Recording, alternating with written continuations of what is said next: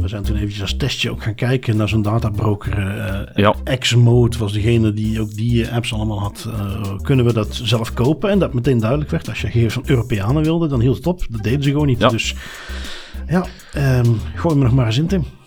Thank God for GDPR. Never gets old. Nee, nee, nee, nee, nee, inderdaad. Hallo en welkom bij Das Privé, jouw wekelijkse privacy podcast. Iedere aflevering praten we je bij over het reilen en zeilen in de wereld van privacy. Digitale spionage, boetes, datalekken, nieuwe technologie, privacy tools, oftewel alles wat er in de week gebeurt in privacyland. Ik ben Bart van Buitenen en samen met privacy-nomade Tim van Haren hebben wij het privacy nieuws van deze week gecureerd en eruit gehaald wat er echt toe doet. Want jawel, Tim is back en Privacyland vierde dat met een paar leuke onderwerpjes. De Nederlandse Belastingdienst weet dat iedereen van alles kan raadplegen, maar heeft geen benul wie. Foto's genereren op basis van DNA, dat hadden we alles voorbij laten komen. Maar nu heb je ook politiediensten die dat effectief gaan gebruiken en verspreiden in de media.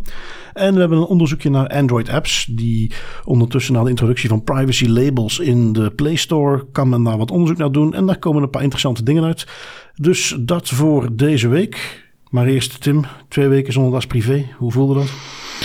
Ah, ik heb een serieuze withdrawal gehad. En dan zat ik nog eigenlijk in het, het duistere land, hè, Amerika. Ik ben eh, naar Las Vegas geweest. Daar mijn ogen heel hard opengehouden voor alle privacy-invasieve dingen die daar gebeuren. My god, het aantal camera's dat daar hangt in die casino's is niet te doen. Dus dat was, eh, ja, dat was, dat was een openbaring, maar ik ben heel blij om terug te zijn. Eh, en we vliegen er gewoon in. Hè. Oké, uitstekend. En ja, inderdaad, dan heb je het eventjes allemaal van nabij mee kunnen maken, Ja. die eh, schendingen. Misschien iets eh, om nog eens een keer wat eh, voor op een rijtje te zetten. Ehm, we beginnen met een, een update. Wij hadden het vorige week met eh, Christophe, hadden wij het al even gehad over eh, WeChat. Eh, de app van alles. Mhm. Ehm, we hadden ook even gekeken naar ja, wat er allemaal in zit en hoe sommige eh, Chinezen dat bij een onderzoekje een tijdje terug van, ik dacht NBC, dat was CNBC, dat die hadden aangegeven, ja, dit is voor ons hetzelfde als elektriciteit en water. Zo noodzakelijk is het. Ehm, en ja, als bij toeval, de- je weet, in, in China loopt nu het grote partijcongres, waar van alles om te doen is. En ehm, ook de sensoractiviteiten online gaan extra hard eh, eh, door.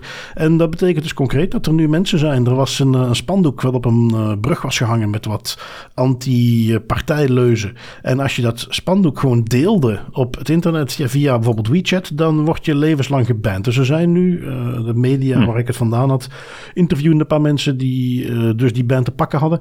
Ja, denk dus even terug aan het feit dat dat toch wordt vergeleken met eh, eh, nutsvoorzieningen zoals elektriciteit en water.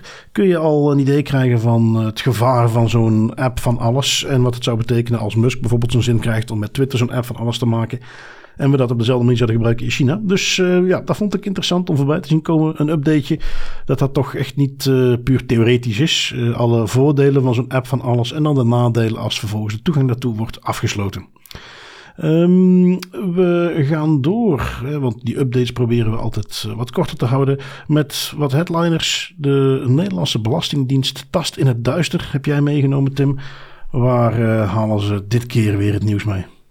Wel, eh, wel, dit keer halen ze het nieuws in het NRC. Het NRC heeft een artikel gepubliceerd waarin ze zeggen dat de Nederlandse Belastingdienst op geen enkele manier kan achterhalen welke informatie dat medewerkers opvragen.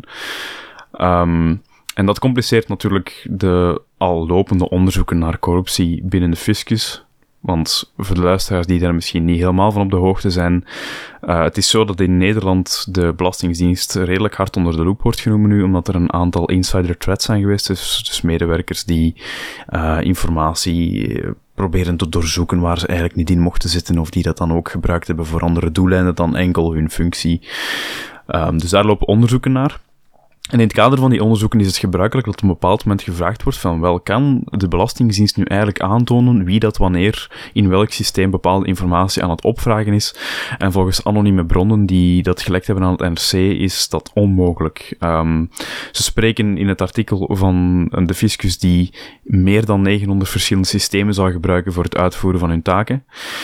Die zijn niet allemaal gekoppeld aan elkaar en daardoor is het vaak onduidelijk welke gegevens via medewerkers van de fiscus terecht kunnen komen bij, bij bijvoorbeeld criminelen of bij andere bad actors. Dus wat wij ook al heel vaak hebben gezegd in de podcast, het idee van logging, het idee van kunnen achterhalen wanneer dat iemand iets doet met een bepaald gegeven, is niet aanwezig in de Belastingdienst of wordt toch niet gebruikt door controle van de uitvoering van acties. En wat er ook in het artikel staat, ehm, of niet specifiek in het artikel, maar in de comments van, van Tweaker, want Tweakers heeft er ook een artikel over gemaakt, is een reactie op het artikel van de NRC waarin de Belastingdienst eigenlijk in mijn ogen een klein beetje hun kop in het zand steekt. Want wat zij dat, is in... dan, uh, dat is dan iemand die werkt voor de Belastingdienst volgens de comment en die daar dan uh, op reageert in dat artikel. Ja, klopt. Dus dat is iemand die, vermoed ik, hij heeft het niet gezegd, maar ik vraag me af hoe dat die anders aan die, aan die mail komt, die de mail heeft bemachtigd, die uh, is uitgestuurd in de Belastingdienst zelf en die ook gepubliceerd is op het intranet als reactie op het artikel van het NRC dat gaat over het gebrek aan logging en het feit dat men eigenlijk in dat onderzoek helemaal niet kan aantonen dat er niets slechts gebeurt met die data via logging. Dus daar is, een, daar is een reactie op gekomen van de Belastingdienst. Um, nu, ik ga niet heel de reactie lezen, want die is best lang.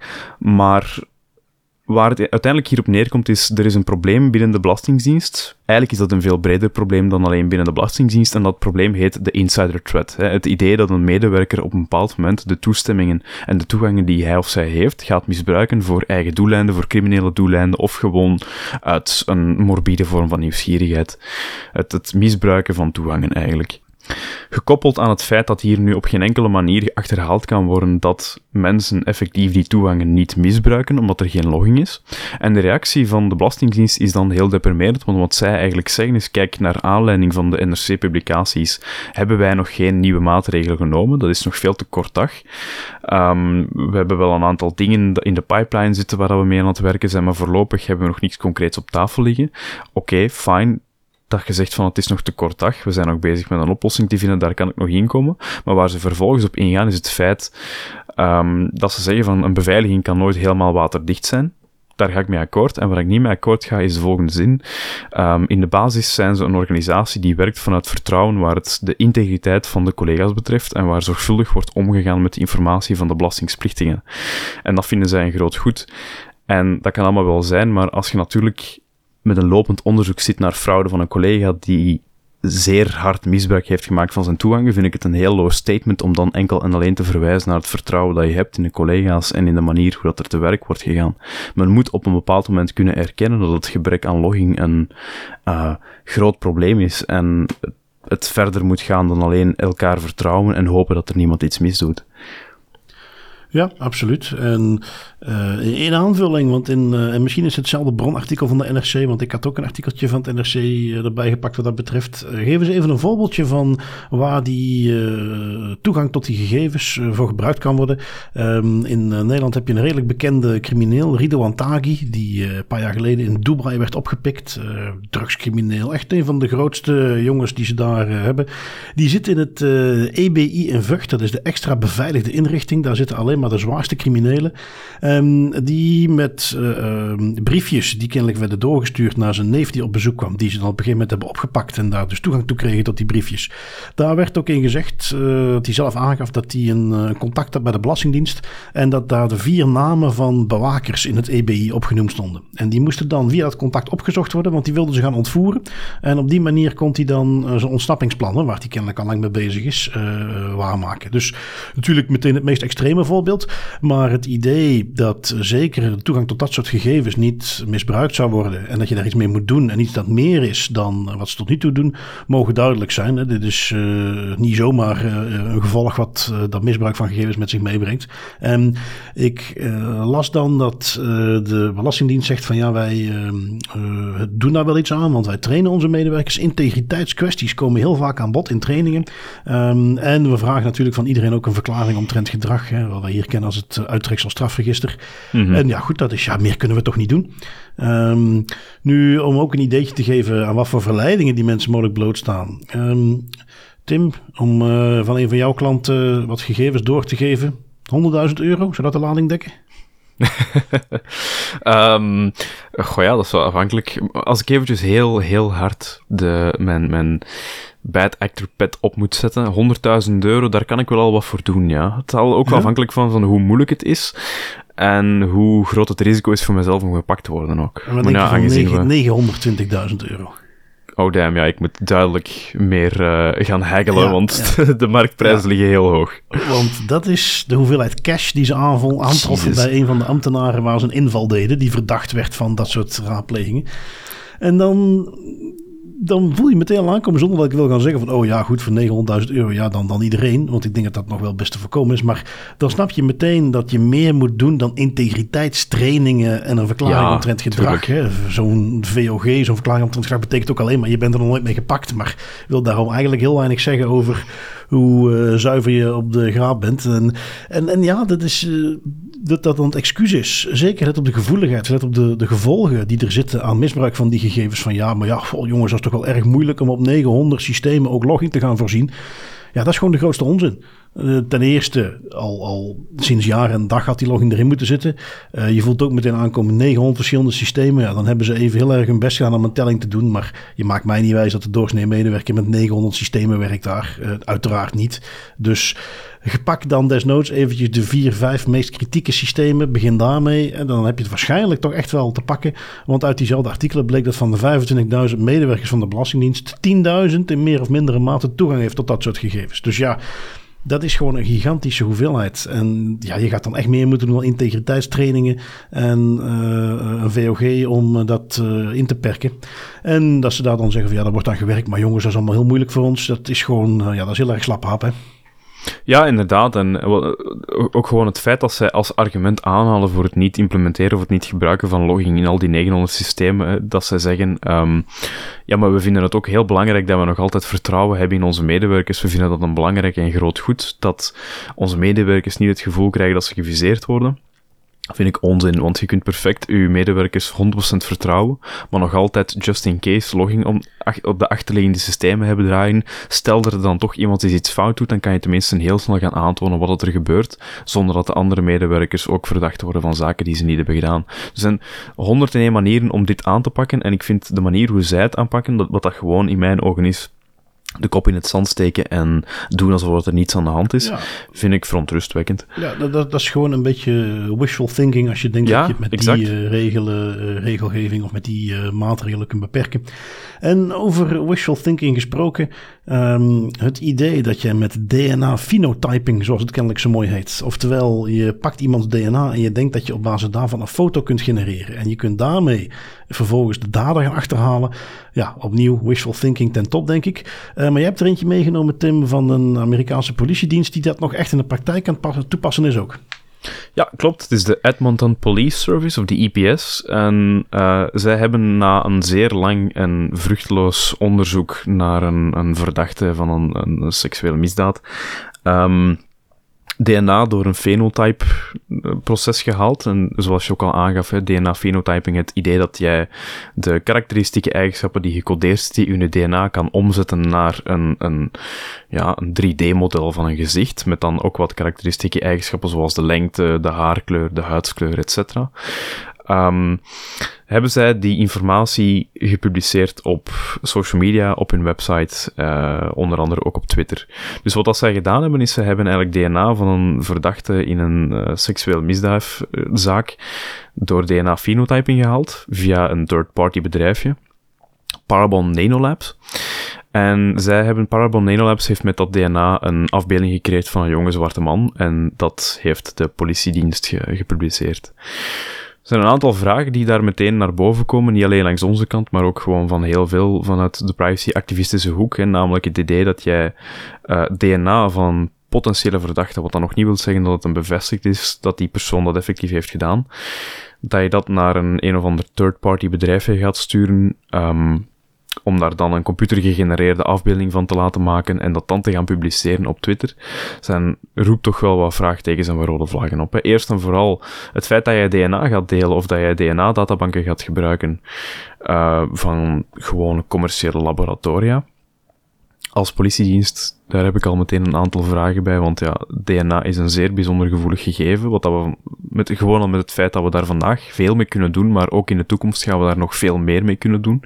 Dus dat moet heel goed bewaard worden. Als we dat dan gewoon zomaar lukraak gaat doorsturen, ja, dat, zien we niet zo graag.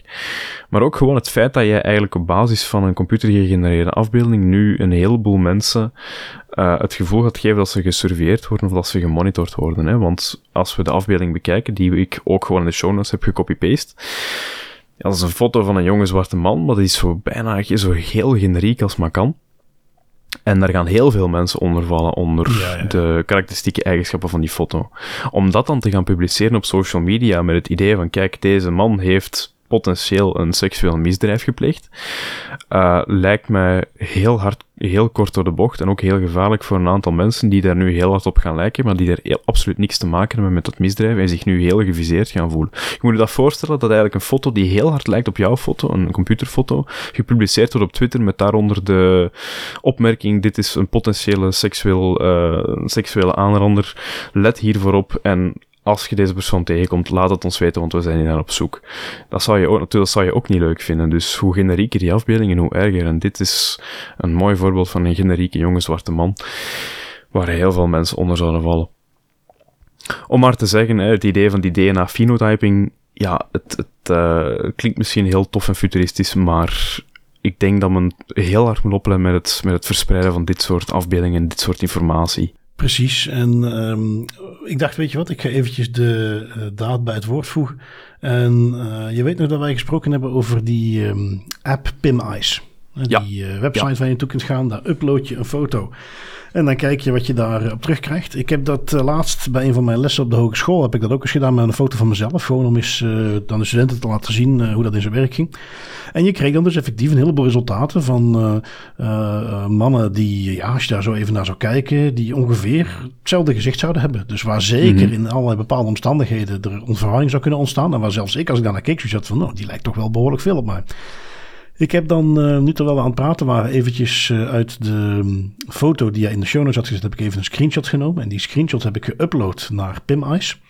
Um, wat daar meteen wel uit blijkt, en daar zou ik direct toch eens eventjes moeten gaan kijken waar die allemaal vandaan komen. Maar die, uh, dat idee van die snapshot, of die, die, die door DNA gegenereerde foto, dat is in ieder geval wel op heel veel websites al overgenomen. Want echt een stuk of honderd eerste hits is puur diezelfde foto, die snapshot. Die je dus wel goed herkennen. Uh, maar vervolgens krijg je dan natuurlijk een hele rits aan foto's van uh, ja, andere zwarte mannen. En, en ja, dat, dat, dat, dat, dat lijkt er gewoon gigantisch op. Dus het, het, het gaat, je hebt er echt helemaal niks aan. Het is iets wat uh, inderdaad alleen maar ervoor gaat zorgen dat een heleboel mensen verdacht gemaakt worden om niks. En dat is ook precies de reden waarom dit natuurlijk niet zomaar geaccepteerd is om te gaan gebruiken in allerlei strafzaken. En dat ze dit nu, wat toch eigenlijk nog niet eens geaccepteerd is als, als echt uh, zinvol in forensisch onderzoek, dat ze dat dan publiek nu gaan publiceren. Ja, um, ja, ja, ja, Amerika, wat kan ik nog zeggen? Ik, ik, ik, ging het ook net zeggen, ik denk dat dat gewoon een, een hele klassieke thank god for GDPR casus is waar we hierover spreken. En dat is ook iets dat we niet mogen vergeten. Um, DNA-phenotyping is eigenlijk niet meer en niet minder dan uh, een, een computer die een educated guess gaat, doen, uh, een berekening gaat maken op basis van de karakteristieke eigenschappen die gecodeerd zitten in uw DNA, om op basis daarvan een naar alle waarschijnlijkheid correcte foto te creëren van uh, de persoon waar het DNA van gevonden is. Nu, belangrijk is daar naar alle waarschijnlijkheid. Die computer het is nog altijd niet duidelijk of die computer eigenlijk een 100% accurate uh, representatie van die persoon in kwestie kan maken of gaat maken. Dat is niet duidelijk. Dus om ook dat te gebruiken, uh, rekening houden met het feit dat er een redelijk, redelijk grote foutmarge nog in die DNA-phenotyping zit. Mm -hmm is ook iets om in acht te nemen. Het, het is een beetje hetzelfde idee als het gebruik van artificiële intelligentie en facial recognition dat, is, dat staat ook nog niet op punt. Daar hebben we ook al heel vaak kritiek op gegeven dat de politie daar toch gretig gebruik van maakt. Hoe weten we dat die technologie nog niet op punt staat? Hier hetzelfde. Dus ik vind dat een gevaarlijke trend, het idee dat eigenlijk autoriteiten um, technologieën gaan gebruiken zonder eigenlijk goed te weten of goed te verstaan wat dat de de fouten zijn in die technologie, of wat de valkuilen zijn in ja, die technologie. Laten we zeggen dat uh, mensen gaan opsporen voor uh, verkrachting of een ander seksueel misbruik aan de hand van technologieën. Dat is niet het moment om testjes te gaan doen. De pilootfase nee, die moeten precies. we even op andere dingen gaan doen voordat we echt mensen willen gaan opsporen. Um, even zien, wat hebben we nog? Ja, jij weet, je herinnert je misschien nog ergens um, vorig jaar kwam Google met een, een, innovatie. Een innovatie die ze even van Apple hadden afgekeken, uiteraard. Uh, want Apple introduceerde hun privacy labels al een hele tijd terug. Ik denk een jaar daarvoor, 2020. En dat betekent dat je per app, uh, en dat werd opgelegd aan appmakers om die informatie in te vullen, uh, kon zien welke gegevens gaan ze verzamelen, wat doen ze daarmee. Nou, Google, ja, dat was toch best wel een succesje. Apple heeft daar marketingtechnisch natuurlijk ook goed mee gescoord. Dus Google dacht, dat moeten wij ook gaan doen. En dat heeft men dan ingevoerd vorig jaar. En ja, daar kun je, en dat is natuurlijk ook wat in dit geval eh, Incogni heeft gedaan. Daar kun je dan eens wat op gaan analyseren. Daar kun je eens wat data uithalen. Die hebben een onderzoek gedaan. Hebben daar allerlei dingen uitgehaald, statistieken verzameld. De key findings, die zetten ze netjes op een rijtje. Die wilde ik eventjes overlopen. Um, waarbij ze ten eerste aangeven van ja, 55% van alle apps in de Play Store... die deelt vervolgens jouw data met uh, derde partijen. Niet heel schokkend misschien, maar toch om het op die manier te zien staan, hè, meer dan de helft. Um, nog eentje in de categorie open deur, maar tech giants, denk Facebook, Microsoft, Google, dat type, uh, die uh, verzamelen het meeste data, maar claimen volgens die uh, privacy labels dat ze het minste doorgeven. um, ja. Hè, denk daarvan wat je wilt. Shocker. Um, even kijken, we gaan nog even door met bunkerhard open deuren induwen. De gratis appjes delen gemiddeld 7 zeven keer meer data dan de betaalde apps. Hmm. Hier, dat het zo is, minder, meer mag je verwachten. Zeven keer meer is toch wel, uh, vind ik toch wel opvallend. Nog meer dan ik zou verwachten. Uh, wat hebben we nog? Uh, ze geven aan dat populaire apps met meer dan 500.000 downloads. Ja, die delen dan ook nog eens zes keer meer gegevens dan de minder populaire apps iets, uh, ja, hoe populairder je wordt, hoe meer mogelijkheid voor uh, vermarkten en vermonetizen van die data. En dus ga je die delen. Dat is ergens ook wel logisch. Um, wat denk je dat de ergste categorie was om data te delen? Uh, hmm. Het zou, als ik een, een gok moet doen, ofwel dating apps ofwel social media apps, denk ik. Hmm, ja, dating inderdaad, staat er niet bij. Um, maar nee, waar zij zeggen is shopping. Uh, Die deelde gemiddeld 5,72 datapunten. Um, misschien dat het hem vooral in de delen zit. Als in een dating app gaat wel heel veel gegevens verzamelen. Maar het zijn natuurlijk die shopping apps die niet liever doen dan dat allemaal vervolgens doorverkopen al die data. Want dat is één op één uh, commerciële waarde natuurlijk. Want ja, dit bewijst mensen kopen al dingen. Dit is wat ze wel niet gekocht hebben. Dus bouw je profielen maar op. Um, dan uh, niet verrassend social media apps. En dat is misschien ook degene die jij net zei. Die verzamelen op zich het meeste. Hè? Dus dat is nog iets anders dan het doorgeven, maar die verzamelen het meeste. Um, en 13% van de apps die delen ook jouw locatie met externe partijen. Dus niet gewoon gegevens, maar specifiek je locatie. Dus meer dan 10% van de apps deelt je locatie met anderen. Dat is al behoorlijk stevig. Uh, dan hebben ze nog wat leuke infographics. Um, eentje die, uh, ja, opnieuw, het is goed dat we het eens documenteren, maar verrassend mag het niet zijn. Ze hadden ook een, lijstje van de, apps die dus het meeste gegevens verzamelen. Uh, een top 10 en daar zitten de namen in. Ik doe ze even in volgorde dat ze voorkomen. Dus van meest verzamelen naar iets minder. Facebook, Nextdoor, Microsoft Teams, Messenger van Facebook uiteraard, Instagram van Facebook uiteraard, um, Oculus van Facebook uiteraard, LinkedIn, Microsoft dan, eBay, Snapchat en DoorDash. Um, dus ja, als je dat even op een rijtje zet, in de top 6 hebben we 1, 2, 3, 4 apps van Facebook. Uh, of Meta moet ik natuurlijk zeggen. Dus ja, ja, dat bewijst ons punt nog maar eens dat de wereld wellicht beter zou zijn als dat bedrijf morgen verdwijnt. Um, en ja, ik bedoel, we gaan het plaatje waarschijnlijk ook nog wel eens een keer delen op LinkedIn en, Twitter en noem maar op. En in de show notes linken naar het onderzoekje, moet je maar eens naar kijken. Uh, maar toch interessant. Um, ja, wat moeten we er nog van zeggen? Ik denk als je, ik wil zeker niet gaan zeggen als je het van de Play Store doet of van de App Store van Apple, dat het dan uh, veel minder gaat zijn. Uh, ze hebben nu het onderzoekje op Android gedaan en dan komt dit naar buiten. Um, ja, op zich wat je zou verwachten, maar toch interessant dat het nu, doordat ze moeten verplicht zijn om dat soort dingen te gaan delen, dat het zo duidelijk naar buiten komt. Ja, wat ik vooral interessant vind, is die 13,4% van uh, alle applicaties op de Play Store die locatiegegevens delen met third parties. Ja, dat is 1 op de 10, een beetje naar beneden afgerekend.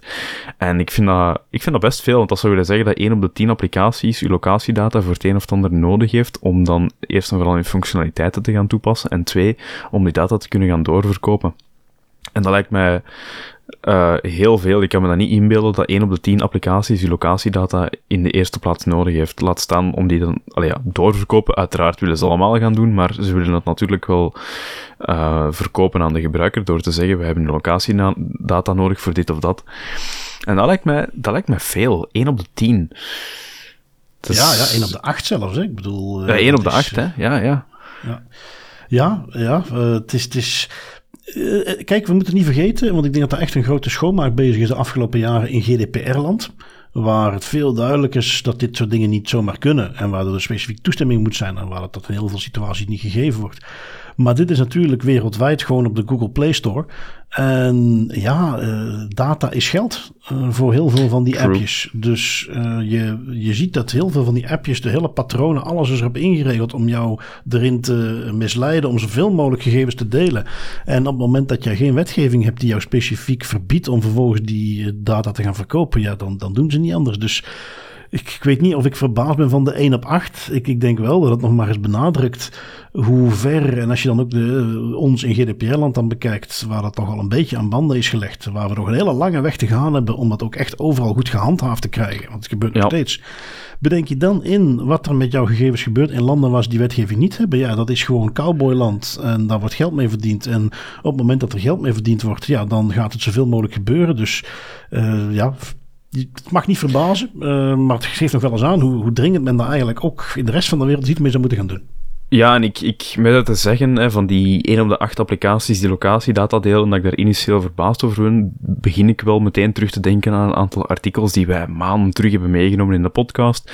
Die gingen over um, ik ben eventjes de naam kwijt, maar dat was een location data broker die dus ook heel veel van zijn datapunten van locatiegegevens van personen um, opkocht of, of opfilterde uit applicaties in onder andere de, de Google Play Store. En dat waren applicaties zoals uh, ja, religieuze applicaties, Bijbel-apps, Koran-apps, um, noem maar op, mentaal welzijn-apps. Apps die eigenlijk op geen enkele manier functionaliteitsgewijs een nut hebben om uw locatiedata te gaan verzamelen, maar die dat dan toch doen om puur en enkel en alleen om het, met het idee om het te gaan doorverkopen aan, aan databrokers. Dus ja. dan begint die 1 op de 8 plotseling wel een stuk realistischer te klinken. Ja, ja en dan ook nog eens weten, hè, want we zijn toen eventjes als testje ook gaan kijken naar zo'n databroker. Uh, ja. Xmode was degene die ook die apps allemaal had. Uh, kunnen we dat zelf kopen? En dat meteen duidelijk werd, als je gegevens van Europeanen wilde, dan hield het op. Dat deden ze gewoon niet. Ja. Dus ja, um, gooi me nog maar eens in, Tim. Thank God for GDPR. Never gets old. Ja. Nee, nee, nee, nee, nee inderdaad. Um, even zien, wat heb ik dan nog meegenomen? Iets uit uh, Engeland, uh, waar de politie toch echt vastbesloten lijkt om Minority Report werkelijkheid te laten worden. Um, uh, voor de niet-millennials of jonger, Minority Report was een film met Tom Cruise, waar men een paar mensen had die misdaad konden voorspellen. En die dus, het hele politieapparaat was erop gericht, niet zozeer om misdadigers op te pakken, maar om ze op te pakken voordat ze hun misdaad echt gepleegd hadden. Nou, heel leuke film, um, filosofisch heel interessant. Maar je ziet dus langzaamaan, je kent dat, dat stukje van uh, uh, behavioral data, waarmee men dan uh, misdaden wilt voorkomen. dat is iets wat al wel bestaat. En ja, het is iets wat kennelijk de Metropolitan Police nu toch nog wat wilt gaan uitbreiden. Ik moet er meteen bij zeggen, ik, ik kreeg toen ik het artikeltje las wel sterk de indruk dat dit een, de nieuwe basis die eventjes flink wilt uitpakken. Maar dat dat nog iets anders is dan dat, dit, dat, dat, dat, dat hij dat wel zou willen. Maar dat het nog iets anders is dan dat ze het echt gaan uitrollen en de tool zal hebben.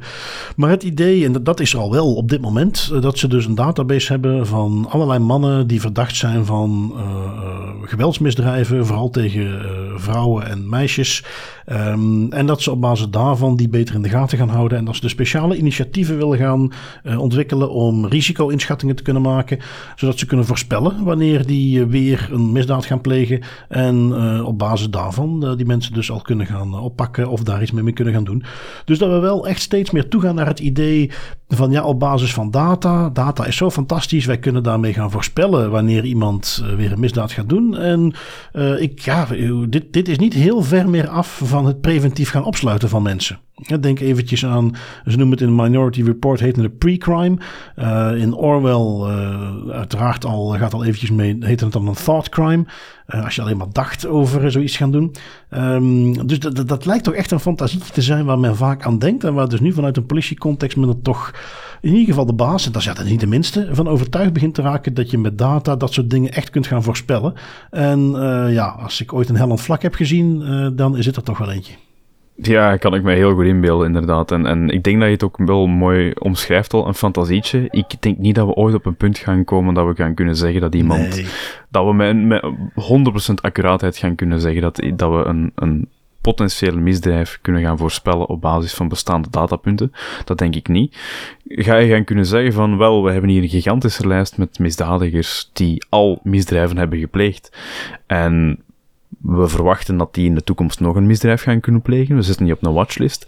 Dat denk ik wel dat kan gebeuren, want dat gebeurt eigenlijk vandaag de dag nu ook al. Er zijn al mensen die onder een verstrengd toezicht komen te staan omdat, zij dat, omdat ze dat hebben. Dus ik, ik heb het gevoel dat, dat die nieuwe police chief op dit moment ook gewoon aan het uitpakken is met heel veel buzzwords en heel veel coole ideeën, maar eigenlijk dat er niet veel nieuws gaat gebeuren dan wat ze vandaag de dag al doen. Nou ja, weet je, ik zou dat zo graag eens om willen draaien. Je ziet dat vaak, hè, dat je met, met het verwerken van gegevens en de informatie die je eruit haalt, dat je twee dingen kunt doen. En het ene heeft ieder een negatieve impact.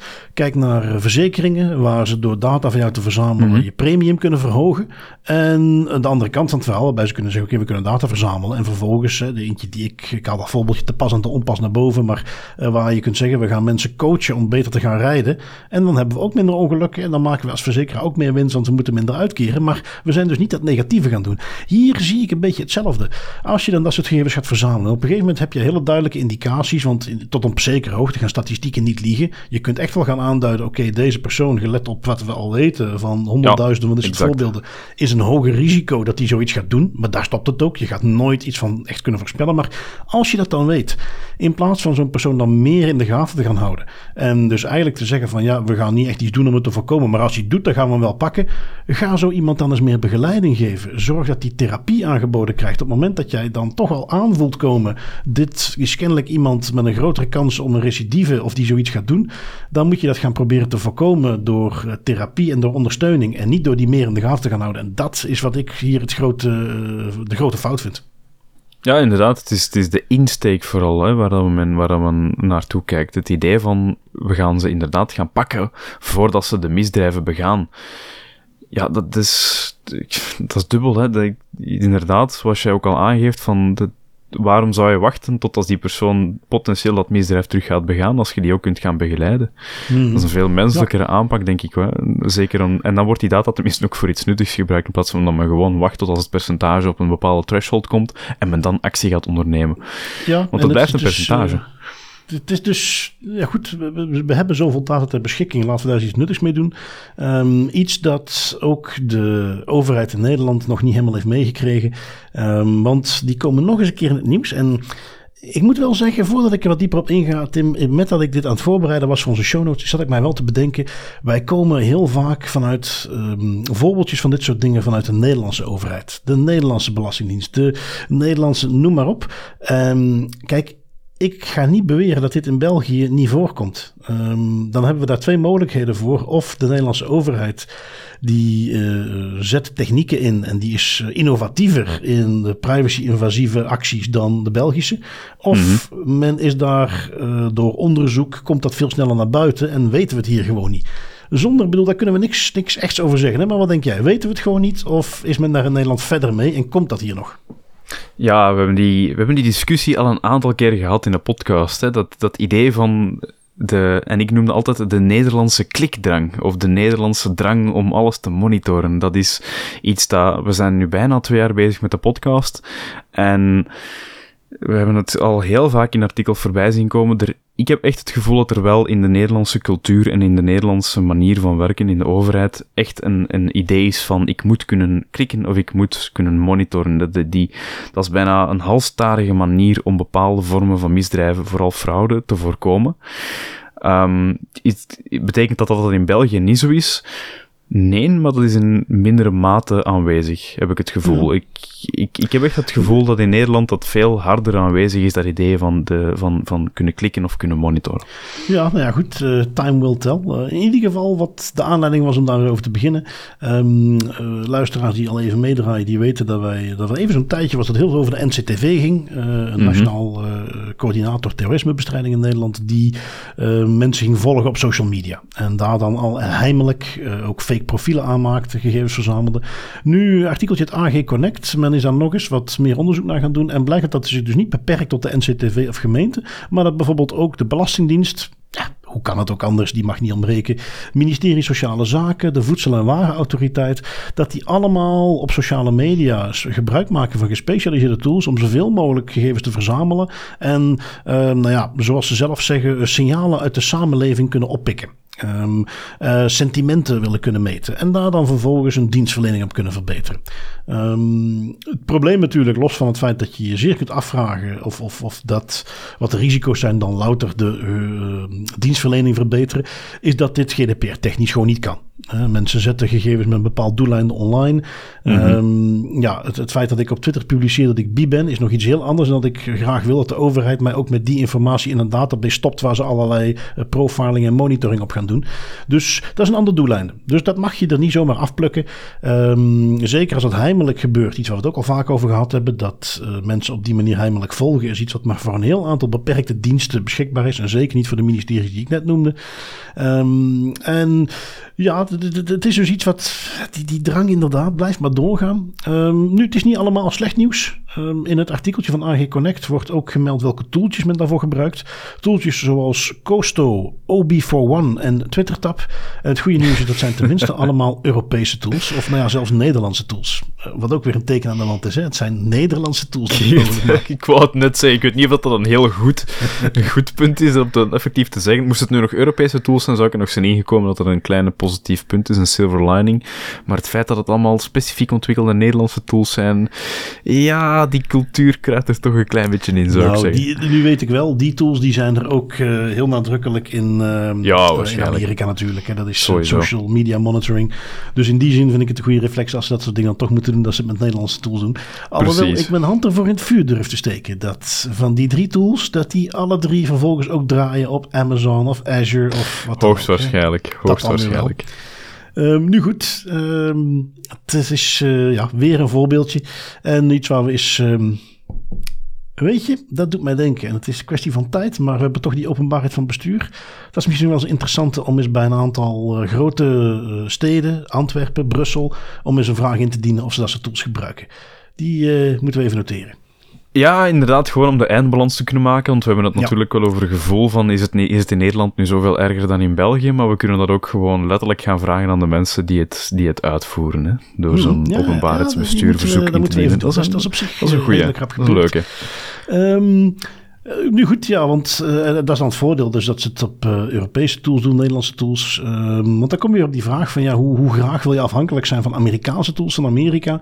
En waarom ik die aanhaal is een bruggetje naar een artikel van het FD. Um, waarin ja, hier ook weer zoiets, je weet dat ergens wel, maar goed, ze hebben het nu eens allemaal op een rijtje gezet. Um, waarbij zij erachter zijn gekomen dat uh, zo wat 75% van alle academische of, of uh, onderwijsinstellingen in Nederland, dat die al hun data neerzetten bij Big Tech. Dus dat, uh, of het nu Amazon is of bij Microsoft, want dat is dan waar driekwart van die gegevens nu staat. Die staan dus bij Microsoft en Amazon. En dat is onderzoek wat zij gedaan hebben. Um, dat die organisaties zich ook niet bewust zijn van het risico wat eraan hangt. Dat je al die gegevens daar neerzet. Dat het kennelijk iets is waar Nederland dan verder in gaat dan vele andere Europese landen. Um, waarbij ik eventjes vanuit mijn eigen ervaring, uh, werkend in onderwijsland, parttime. Uh, ja, daar kom ik toch ook heel veel Amerikaanse tools tegen. Of het nu gaat van uh, studentengegevens op, op tools zoals Canvas. Of het gaat over uh, de, gewoon de mail en alles wat eromheen zit. Dat is ook allemaal Amerikaanse tools. Ja, dat is, ehm, ja, en, en dat, gaat dus nog maar eens verder dan puur die, laten we zeggen, eerder juridische discussie in een Schrems 2 context van ja, we mogen van het Europees Hof geen gegevens meer naar Amerika sturen vanwege het, het soms theoretische risico van inlichtingendiensten die toegang hebben tot die gegevens. Maar het is mhm. ook gewoon een meer strategische en pragmatische context van is het nu echt wel zo slim om bij twee van die Amerikaanse big tech partijen om daar ons hele onderwijssysteem op bepaalde manier afhankelijk van te maken.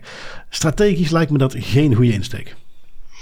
Nee, klopt. Um, nu, dat is een probleem. Het, het, het idee van, uh, dat het strategisch geen goede insteek is, dat reikt veel verder dan het onderwijs. Hè. Dat is ook iets wat in overheidsdiensten dat we heel hard zien, dat ze afhankelijk zijn van vooral Microsoft voor het uitvoeren van hun dagdagelijkse taken bijvoorbeeld. En ook iets waar ik meteen aan denk als we het hebben, als we het hebben over wel de, een heel groot deel van het onderwijs en een heel groot deel van de onderzoeksinstellingen die eigenlijk in die Amerikaanse cloud zitten, vastzitten zou ik zelfs durven zeggen, want er is best wel sprake van veel vendor lock-in. Um, is het idee ook dat al uw onderzoeksresultaten en al alle gegevens die je gebruikt voor je onderzoek te kunnen uitvoeren, dat die daar ook in terechtkomen. En dat is ook iets dat je denk ik als, als uh, land of als Europese Unie moet afvragen, want is dat ook wenselijk dat wij al onze academische kennis allemaal op Amerikaanse cloud gaan zetten? Ja, ook gewoon iets om mee te nemen, hè? Ja, want uh, doet gewoon even denken. Uh, vergeet al de, de, de juridische uitspraken. Uh, pak gewoon eventjes een, een, een serieuze realiteit waarin je zegt: wat gebeurt er als morgen men vanuit Amerika in de context van, noem maar wat, een economisch conflict zegt jullie Europeanen krijgen geen toegang meer tot Microsoft, Google, Amazon. Punt. Wij hebben uh, ze nu het bevel gegeven om daarmee te stoppen. En als je denkt dat dat uh, onrealistisch is, dat zoiets niet zomaar kan gebeuren, denk even aan het feit dat Trump verkozen is geraakt. Iets wat ook niemand had zien gebeuren en die heeft bepaalde acties uitgehaald. En, en denk even aan de recente uh, executive order van president Biden, die vervolgens heeft verboden aan alle Amerikaanse burgers om nog te werken voor Chinese chipfabrikanten. Dus alle, mhm. En dat gaat ook om materialen. Ze hebben recent een order getekend dat alle aanvoer van dingen die nodig zijn in de context van het maken van chips, dat Amerika daar op geen enkele manier mee betrokken wil zijn richting China toe. Dus dat betekent dat er effectief een heleboel mensen zijn teruggekomen, dat je niet meer mag leveren, dat daar sancties op staan. Dus het is niet uh, compleet onvoorstelbaar. Nu is het natuurlijk met China, maar uh, ja, wie weet wat er over vijf of tien jaar kan gebeuren. En als je op die manier helemaal vasthangt aan Amerikaanse tools, ja, wat voor een onderhandelingspositie heb je dan eigenlijk? En alleen al daarom, nog los van de privacy context, de inlichtingendiensten context, alleen al daarom vind ik dat we als Europa daar toch eens heel goed over na moeten denken. Uh, of we op die manier afhankelijk willen zijn van iemand die op dit moment ongetwijfeld uh, onze grootste bondgenoot is. Maar ja, dat soort dingen duren nu helemaal niet voor eeuwig. Net zoals de prachtigste liefdesrelatie. Ook die kan een keer kapot gaan. En dat is met dit soort dingen niet anders. Nee, klopt. Volledig. Uh, heel poëtisch verwoord ook trouwens, met die prachtige liefdesrelatie. Vind ik, vind ik mooi. Ik pink een traan weg, Bart. Maar het, het klopt inderdaad. Het is, en, en soms worden dan misschien bestempeld als uh, een, een, een paranoïde complotdenker als je zegt van ja, maar mogen we Amerika wel heel de tijd vertrouwen? Eigenlijk weten we al dat we Amerika niet heel de tijd kunnen vertrouwen. Dat is, dat is gewoon een feit. Het is een bondgenoot die ons continu bespioneert. Dan ga je natuurlijk ook wel de vraag stellen hoe groot dat bondgenootschap eigenlijk wel is. Los daarvan, ja, inderdaad, ik, ik blijf het zeggen. Het is het, het idee dat al uw academische verwezenlijkingen als Europese Unie of gewoon ook als kleine lidstaat um, in handen zitten van een Amerikaanse cloud inclusief de data die gebruikt is voor onderzoek, inclusief de onderzoeksresultaten zelf, moeten we stevig over nadenken of dat, wel wenselijk is en of dat we niet ook kunnen gaan kijken naar een Europees alternatief om onze academici uh, degelijk te blijven ondersteunen. Het kan inderdaad zomaar eens eh, gebeuren dat dat wegvalt en dan zit je met een gigantisch probleem. En laat er nu een eh, organisatie zijn die hard heeft gewerkt om een lijstje te maken met allerlei alternatieven. Oh, hoe toevallig. Ja, dus uh, nog steeds beschikbaar op uh, de Das Privé website. Um, gaan we door naar datalekjes. Uh, in die zin, ja, volgens mij een rustig weekje. Maar je hebt er eentje meegenomen van uh, niemand minder dan Toyota. Uh, toch een paar honderdduizend klanten bij betrokken kennelijk. Wat was er aan de hand bij Toyota? Ja, ja ruim geschat zo'n 300.000 klanten. Uh, hun gegevens zijn gelekt. Het gaat daar vooral over het e-mailadres en het klantnummer. Dus qua gevoeligheid valt het nog best wel mee. Maar de manier waarop de gegevens gelekt zijn is um, ja, een heel klein beetje stom en, en dom te noemen. Wat er, er eigenlijk gebeurd is bij Toyota is, uh, je hebt daar een, een, applicatie, de Toyota Connect app. Dat is een applicatie waarmee de autobezitters uh, informatie over hun voertuig en zo kunnen inzien, want uiteraard ook auto's moeten vandaag de dag een app hebben. En de broncode daarvan die stond op een GitHub-account, zoals wel heel vaak het geval is dat de broncode op GitHub-account staat. Maar die stond um, voor de een of andere reden publiek tussen 2017 en 2022. Dus iedereen kon toegang krijgen tot de broncode van de Toyota Connect app. Los van, het los van de privacy issues is dat ook gewoon een gigantisch security issue. Je broncode die gewoon open en bloot staat en waar iedereen gewoon van alles mee kan doen en kan gaan kijken van waar zitten de vulnerabilities die we kunnen gaan misbruiken. Uh, maar in die broncode, daar stond namelijk ook een sleutel waarmee je toegang kon krijgen tot de dataserver server van Toyota Connect. En op die manier kon je eigenlijk het e-mailadres en de klantnummer van ruim geschat zo'n 300.000 klanten krijgen heel nalatig van Toyota. Uh, valt heel weinig meer over te zeggen dan het feit dat dat echt hier zijn een paar serieuze steken laten vallen. Uh, ondertussen staat de dataserver en de broncode wel offline, dus dat is wel goed. Ze hebben het heel snel aangepakt. Maar gewoon het feit dat die broncode, inclusief de sleutel die gewoon hardcoded ergens in de programmeertaal, uh, publiek beschikbaar was, ja, dat, is, dat kan echt niet meer vandaag de dag. Nee, nee, nee. En, en het mogen duidelijk zijn, het kan niet meer vandaag de dag. Maar um, ik loop zelf redelijk veel rond bij softwareontwikkelaars, start-upjes. En dit is een klassieker. API-keys die in de broncode zitten, hardcoded, dat is absoluut een klassieker. Dat gebeurt heel vaak, ook al weet iedereen dat het niet zou mogen. Um, voor de mensen die zich nu afvragen van oké, okay, dat is iets, wij maken ook software, hoe kan ik dat dan laten opsporen? Er zijn dus tooltjes voor die specifiek daarvoor gemaakt zijn om dat soort dingen op te sporen, die op basis van uh, bepaalde keywords en ook op basis van hoe zo'n string eruit ziet, zo'n reeks aan karakters waar zo'n key uit bestaat, dat is iets wat je in code normaal gezien niet zomaar tegen moet komen. Dus die kunnen gaan zoeken op zo'n patroon en er, er, er, mhm. zijn tools die dat soort dingen eruit kunnen halen of toch in ieder geval het risico zwaar verminderen. Uh, want het is, het is een klassieker. Het is er eentje die uh, echt nog wel best vaak gebeurt omdat ook een developer um, die wil dan op GitHub werken. Uh, dat is leuk. Uh, bezet dat vaak niet eens bewust publiek. Uh, foutje, oeps. Um, ik weet niet meer wat tegenwoordig de default setting op GitHub is. Maar het zou me niet verbazen als dat publiek is. Um, en ja, in die zin, en, en daar moet ik even aan denken toen je het zo had over van, ja, die, die code publiek zetten, dat is het stomme. op het moment dat jij bewust open source software maakt, waar dus het hele idee is dat die code publiek is, dan denk ik dat je veel minder snel geneigd bent om zo'n fout te maken. Omdat je meteen vanaf dag ja. 1 ermee bezig bent. Mijn code staat publiek. Um, en dat is in die zin uh, leidt dat misschien ook wel tot een paar gezondere reflexen. Behalve dat het uh, natuurlijk uh, ethisch, socialer is om met open source te werken. Dus dat nog eens als een aanmoedigingsopmerking richting open source software. Um, ja, dan zijn we toe aan onze autoriteiten. You will respect my authority. En de eerste die jij hebt meegenomen is een, een Deens datalek. Um, ja, toch eh, een autoriteit die nog best redelijk vaak voorbij komt voor zo'n klein landje. Wat uh, had men mispeuterd? Uh, wel, het was het Deens immigratieagentschap dat iets had mispeuterd. Um, ze hebben een boete gekregen van 20.100 euro, omdat zij bepaalde persoonsgegevens zijn kwijtgeraakt na een aantal security incidenten. En ze hadden geen backups genomen. En dat had redelijk zware gevolgen voor de, de mensen wiens gegevens het betrof. Wat er eigenlijk was gebeurd, was er waren een aantal security incidenten gebeurd bij dat Deens immigratieagentschap. Um, en daarbij waren gegevens betrokken die mensen nodig hadden om onder andere um, sociale bijdragers te krijgen. Immigranten die bezig waren aan hun immigratieproces en die recht hadden op een, op een bepaald, uh, bepaalde cashbijdrage van de overheid of mensen die bezig waren met de registratie van hun, van hun citizenship. Um, die data was plotseling allemaal weg. Er was geen backup meer, waardoor die mensen in zware administratieve of zelfs financiële problemen zijn gekomen. Um, er zijn klachten voor ingediend bij de, de DPA. En de, de Deense DPA heeft op een bepaald moment ook gezegd van ja, kijk, die, het immigratieagentschap had op zijn minst backups moeten laten maken van deze gegevens, aangezien het hier gaat over gegevens die, stel als ze verloren zijn, dus we spreken van een gebrek aan beschikbaarheid, desdanige zware gevolgen hebben voor de betrokkenen.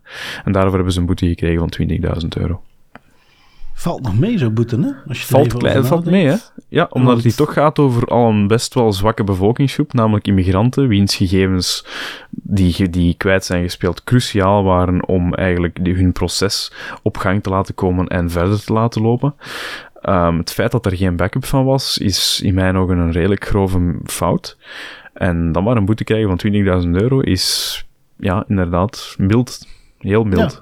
Ja, ja, je hebt al, je hebt al erg gezien. Um, nu, doet mij denken, uh, in de voorbereiding voor uh, een, een, een, soort, um, uh, ja, binnenkort een sessie die ik geef voor het Data Protection Institute, waarin we alle internationale dingen onder de loep hebben genomen, ben ik dus heel veel van die beslissingen aan het doornemen.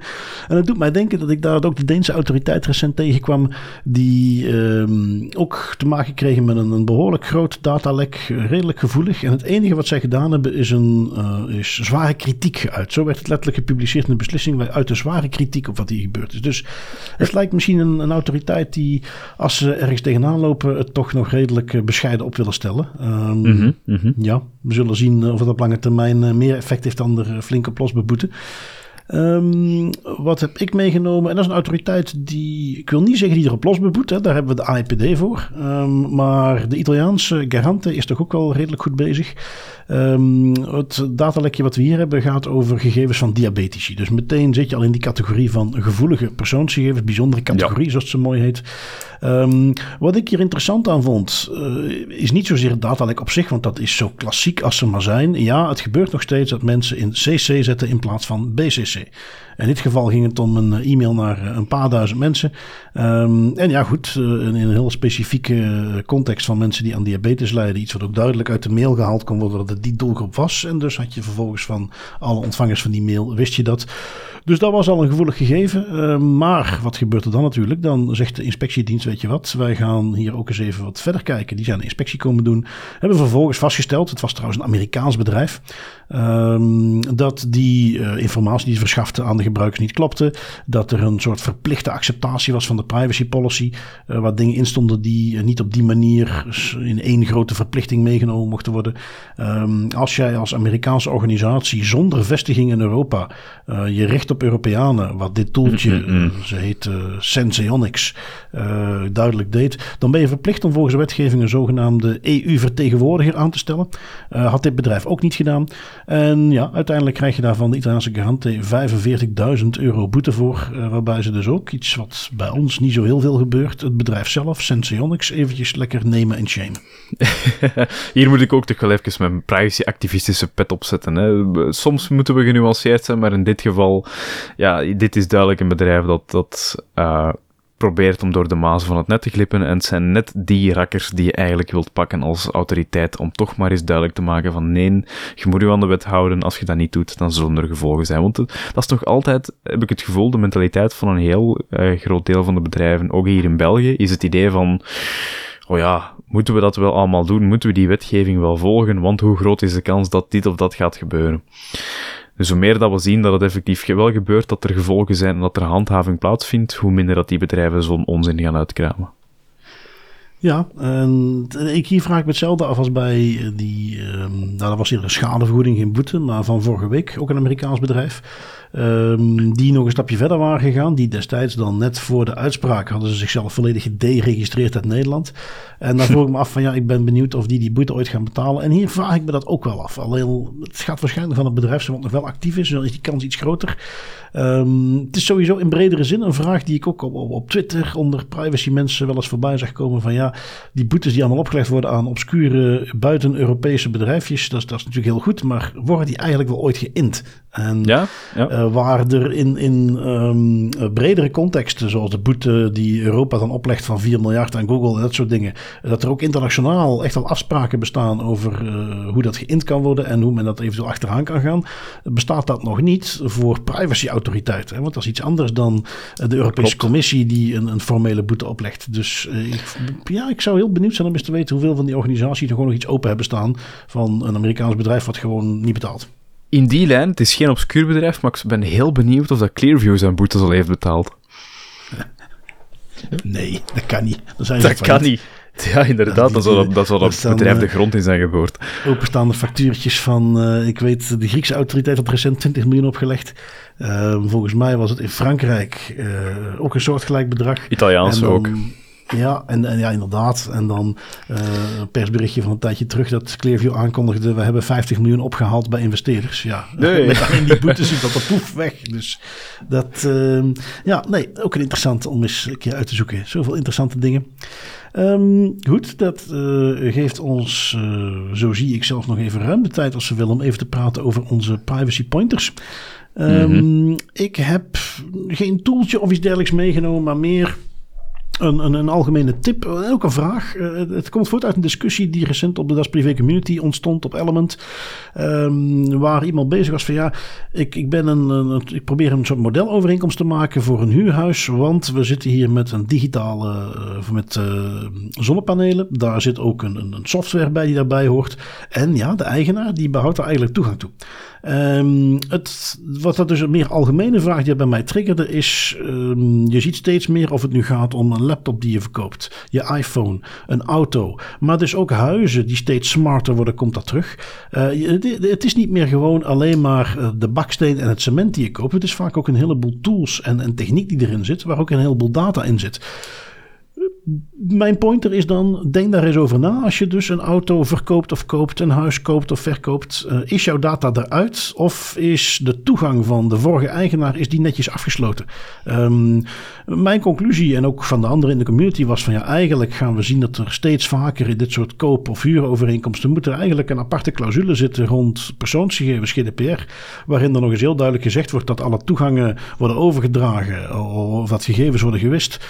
Um, want dat is volgens mij iets waar nog niet iedereen bij stilstaat. Uh, en, en, en wat nu wat verder gaat dan de klassieker die we van vroeger kennen. Van ja, ik heb een paar harde schijven op uh, een uh, tweedehands.be gekocht en daar stond nog allerlei gegevens op. Dit gaat nu over huis. Dit gaat over allerlei andere gegevens. Veel gegevens over je gezin. dus dat is toch een interessante om eens goed over na te denken af en toe. Nee, dat, is, dat, is, dat vind ik inderdaad een heel goed punt. Want ik heb dat zelf ook aan de lijve eens meegemaakt. Dat ik... Um in een, in een vorige job een auto kreeg en daar stond ook nog van alles in. Dus ja. de, de locatie, het adres, telefoonnummers, uh, ja, favorieten. Ja, dus, allee, bon, klassieker, hè. Dus al die data, dat blijft er gewoon in staan. Dus dat is zeker echt wel iets om nog, nog, nog uh, aandachtig voor te zijn. Ja. Oké, okay, wat heb jij meegenomen?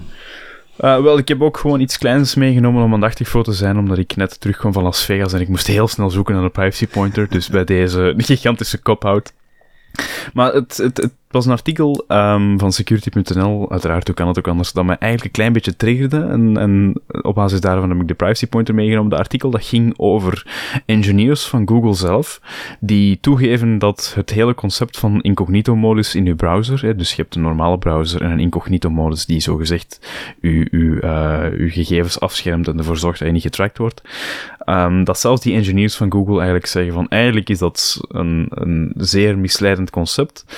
En zien we dat gebruikers veel hogere verwachtingen hebben van de incognito-modus dan wat dat uiteindelijk eigenlijk is. Um, dus de privacy pointer die ik bij deze wil meegeven is, als je je browsergedrag wilt afschermen, doe het dan niet via incognito-modus in uw, uh, in uw browser. Dus een andere manier om ervoor te zorgen dat je iets anoniemer op het internet kan gaan rondzwerven, maar incognito-modus is dat eigenlijk niet. Er gaat nog altijd heel veel data naar onder andere Google als je Google Chrome zou gaan gebruiken. Dus die incognito-modus doet eigenlijk niet zo heel veel voor de gevorderde privacy-activist. Ja, oké. Okay. Uh, goed. Nuttig om te weten. Um, vooral ook omdat Google Chrome toch met afstand tegenwoordig de standaard browser is. Dan is het ook nuttig om even ja, te weten uh, ja. dat die incognito mode niet zo incognito is. Um, goed, dan zijn wij er doorheen voor deze week, Tim. Ik, uh, dat was me genoeg om jou weer terug te hebben. Um, ook onze luisteraars weer bedankt om weer naar ons te luisteren. En dan spreken we elkaar volgende week weer. Yes, heel blij om weer terug te zijn. Ik hoop dat het nog een klein beetje interessant was. We zijn nog een heel klein beetje onder de invloed van een zeer zware jetlag. Uh, maar vanaf volgende week gaan we er gewoon lekker fris weer tegenin vliegen. Uitstekend. Goed. Tot volgende week. Tot volgende week.